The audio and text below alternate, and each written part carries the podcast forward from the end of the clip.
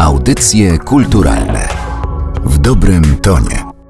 Rozpoczynamy audycje kulturalne. Przy mikrofonie Aleksandra Galant. Dziś chciałabym porozmawiać o wystawie, którą od końca maja, dokładnie od 27, można oglądać w Warszawie, dokładnie w Żydowskim Instytucie Historycznym nad Łomackiem. Wystawa nosi tytuł Tańczący 1944 Mieczysław Wejman. Mam tę ogromną radość, ale myślę i zaszczyt, że kurator tej wystawy, dr Piotr Rybson, przyjął zaproszenie i jest dzisiaj waszym i moim gościem. Dzień dobry. To ja chciałabym zacząć od tego, dlaczego ten cykl grafik, czyli tańczący, dlaczego my akurat teraz, a właściwie dopiero teraz możemy oglądać w komplecie. No cóż, to rzeczywiście jest pewnie dość złożona historia i po pierwsze Cykl powstał w 1944 roku. Był to pierwszy cykl grafik, który Mieczysław Wejman w ogóle wykonał jako malarz, a później tych cykli było bardzo, bardzo, bardzo wiele. W związku z tym to jest jedna okoliczność, że pierwsze dziecko graficzne z czasem zapomniane. Druga okoliczność jest taka, że tematyka, jaką podjął Wejman, a to główny powód dla zrobienia tej wystawy, wydaje mi się nie sprzyjała specjalnie temu, by ten cykl długo żył w polskiej przestrzeni kultury, ponieważ Wejman mierzy się w tym cyklu z czasem okupacji w sposób niezwykle mocny, przejmujący, ale też i ponury, a jednocześnie, i tu nasza szeroka interpretacja, mówię nasza, ponieważ mojej koleżanki profesor Luizy Nader i, i moja, że grafiki te dotyczą kondycji egzystencjalnej Żydów warszawskich, no w tym e, okropnym czasie, gdzieś między rokiem 42, 43, a tak naprawdę likwidacją getta w roku 43. Można powiedzieć, że Weyman pokazywał te prace w latach 40., tuż po wojnie, nawet chyba bronił e, swój dyplom, który obronił dopiero po wojnie, bo w czasie okupacji tego nie mógł zrobić. I te prace były tam bez wątpienia pokazywane. Pokazywane były też kilka razy Później, no mówiąc najoględniej, czasy do pokazywania i dyskutowania tego typu prac, myślę, były niesprzyjające. I jeśli dodać do tego faktu upływu czasu, lata 50., stalinizm, później odwilż, Wejman zajmuje się innymi sprawami, rozpoczyna swoje wielkie cykle, dzięki którym stał się sławny. Między innymi cykl rowerzyści, który rozpoczął w, w drugiej połowie lat 60. i po prostu ci tańczący nam znikają z horyzontu de facto.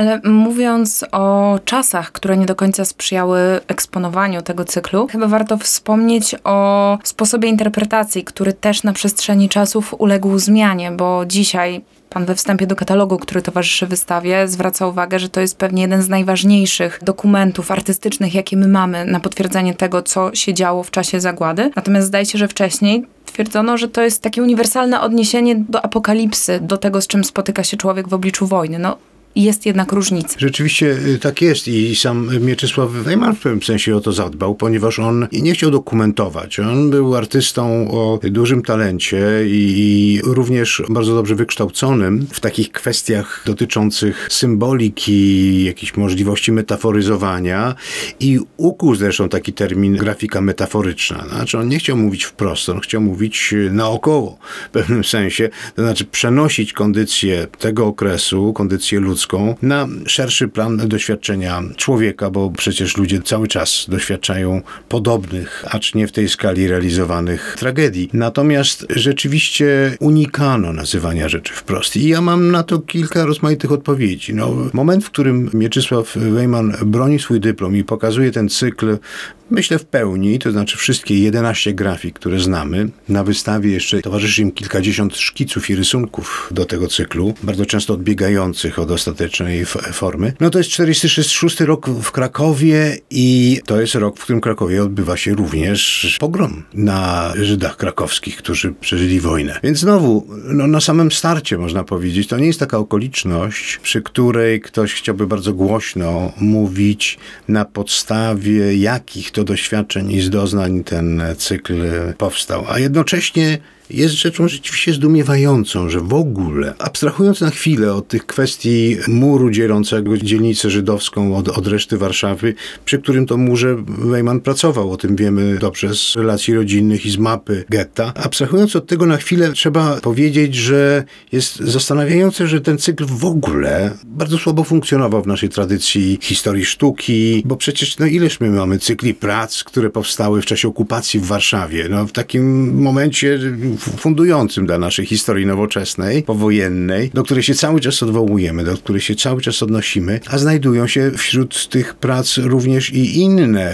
On malował obrazy, jest wielki obraz Ekshumacja, który pokazuje ekshumację na ulicach Warszawy, który dotyczy bez wątpienia ofiar nalotów z września 1939 roku i ekshumacji, które później się odbywały.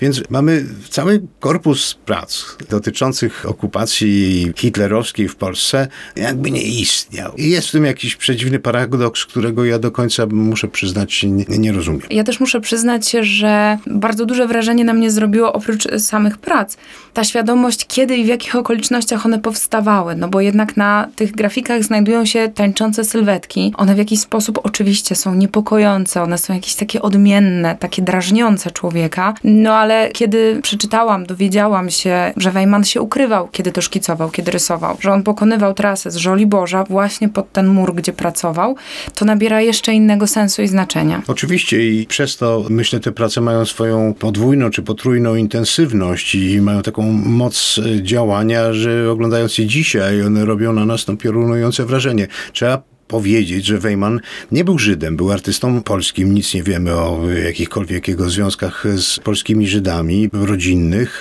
natomiast musiał się ukrywać z zupełnie innych powodów. On był związany rodzinnie z wysokim oficerem Kedywu w okolicach Skarżyska Kamiennej, który zginął zastrzelony przez Niemców i gestapo, idąc tym tropem, zbliżało się do rodziny Mieczysława Weymana, w związku z tym on zdecydował się zniknąć na jakiś czas, właśnie na początku czy wiosną 40 1944 roku i w tej kryjówce, w której się znajdował, zapewne jakimś stryżku, wykonał tę pracę. W związku z tym tutaj taka empatia artysty, który sam jest ścigany i czuje się bardzo niepewnie, może się czuć osaczony, z tym przedmiotem, wokół którego on krąży swoją sztuką, no daje, myślę, efekt dużej siły emocjonalnej, która jest zawarta w tych pracach. I jeszcze jedno, ta metaforyczność Weimana pozwoliła mu jak sądzę, zanotować w tych grafikach i w szkicach rzecz, która jest bardzo trudna do przełożenia, mianowicie to, co się dzieje między ludźmi, którzy tańczą i tymi, którzy im się przyglądają, czy ich obserwują, czy też uruchamiają ich do tego tańca. To wydaje mi się być jedna z najciekawszych w ogóle takich cech tego cyklu, w którym myślę Wejman uchwycił bardzo silnie ducha Warszawy tego ciemnego czasu.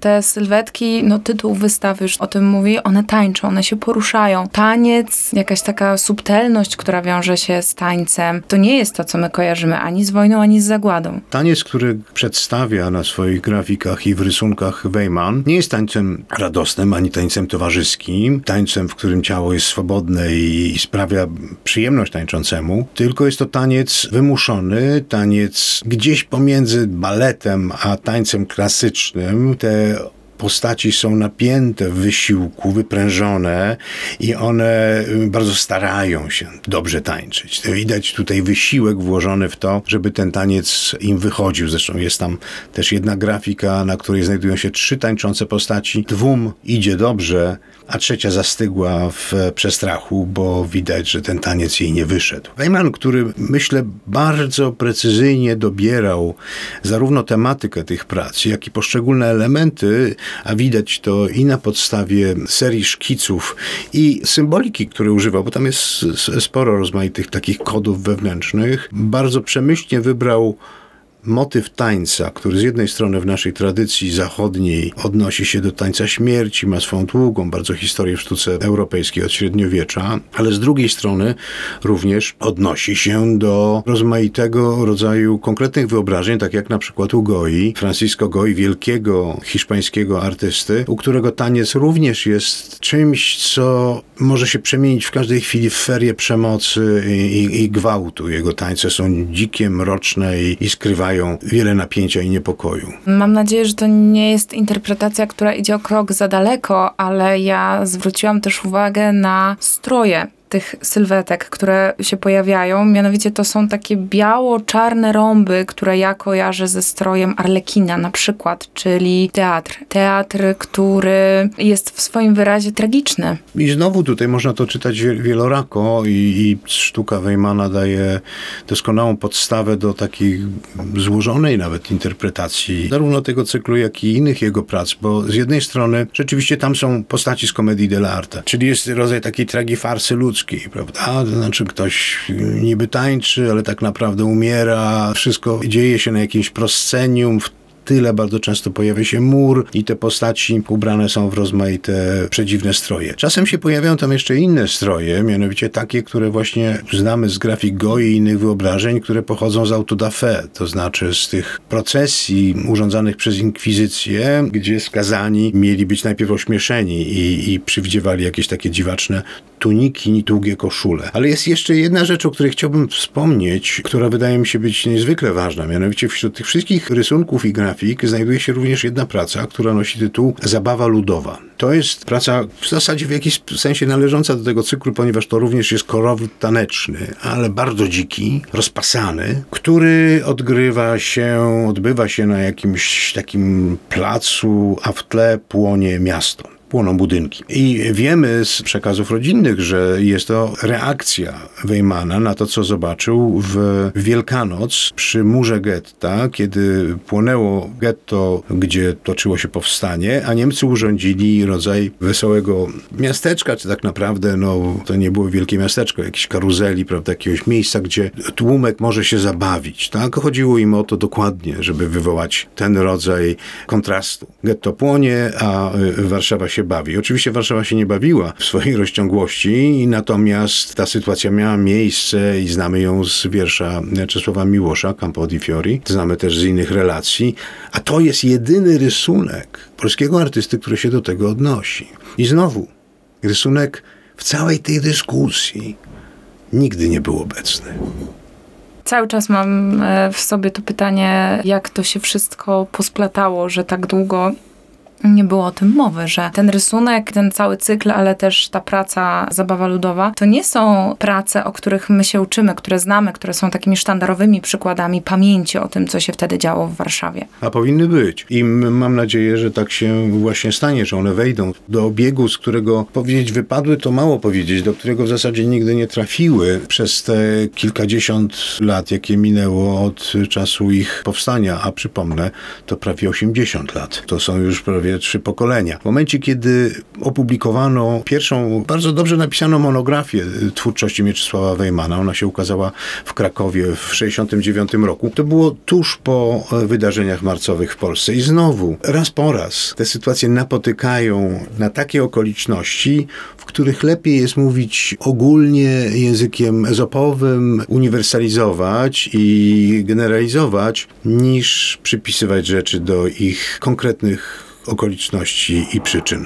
Wspomniał Pan o Krakowie, z którym Wejman związał się chyba jeszcze w trakcie wojny, bo udało mu się wyjechać z Warszawy. On został rektorem Krakowskiej Akademii Sztuk Pięknych i był nazywany jednym z ostatnich profesorów bogów. Zdaje się, że to była jedna z najważniejszych postaci, jeżeli chodzi o grafikę w Krakowie w tamtym czasie. Na pewno tak było. Ja Mieczysława Wejmana nie miałem przyjemności poznać. Jestem zaprzyjaźniony z jego wspaniałą rodziną, natomiast natomiast myślę, że był człowiekiem niezwykle konsekwentnym, z pewnością szalenie pracowitym, bo on zostawił po sobie ogromną ilość prac i, i na pewno takim, który no, dążył do wyznaczonych sobie celów, bo oprócz tego, że on był rektorem Akademii Krakowskiej dość długo, to był też profesorem wieloletnim i wychował rzeczywiście tam, myślę, że dwa czy trzy pokolenia grafików. Jednocześnie był też inicjatorem Międzynarodowego Biennale Rysunku i Grafiki, który do dziś się chyba w Krakowie odbywa. I na koniec jeszcze, na swoje szczęście czy nieszczęście, był prezesem Polskiego Związku Artystów Plastyków. Czyli był taką figurą, która w PRL-u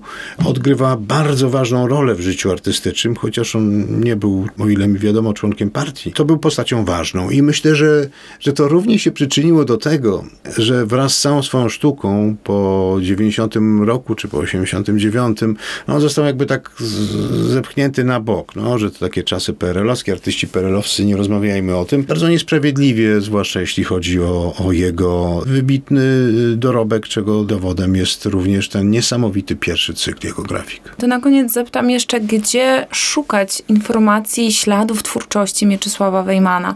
Pan wspominał już o monografii, która się pojawiła. Skąd czerpać informacje na temat jego twórczości? Stosunkowo niedawno, jak na naszą opowieść, ukazała się bardzo taka obszerna, świetna publikacja wydana przez krakowskie Międzynarodowe Centrum Kultury, które również poświęciło wystawę na początku chyba lat 2000 Mieczysławowi Wejmanowi, a zwłaszcza takiemu cyklowi rowerzyści, który on zrobił strasznie dużo grafik w tym, w tym cyklu i myślę, że znając cykl tańczący, warto spojrzeć na rowerzystów zupełnie świeżym okiem w kontekście początku jego twórczości, który, jak sądzę, ten początek odegrał dużą, dużą rolę dla tego, co on robił później. O wystawie Tańczący 1944 Mieczysław Wejman, a także o twórczości Mieczysława Wejmana opowiadał kurator wystawy dr Piotr Rybson. Wystawę można oglądać w Żydowskim Instytucie Historycznym. Bardzo dziękuję za rozmowę. Dziękuję za zaproszenie.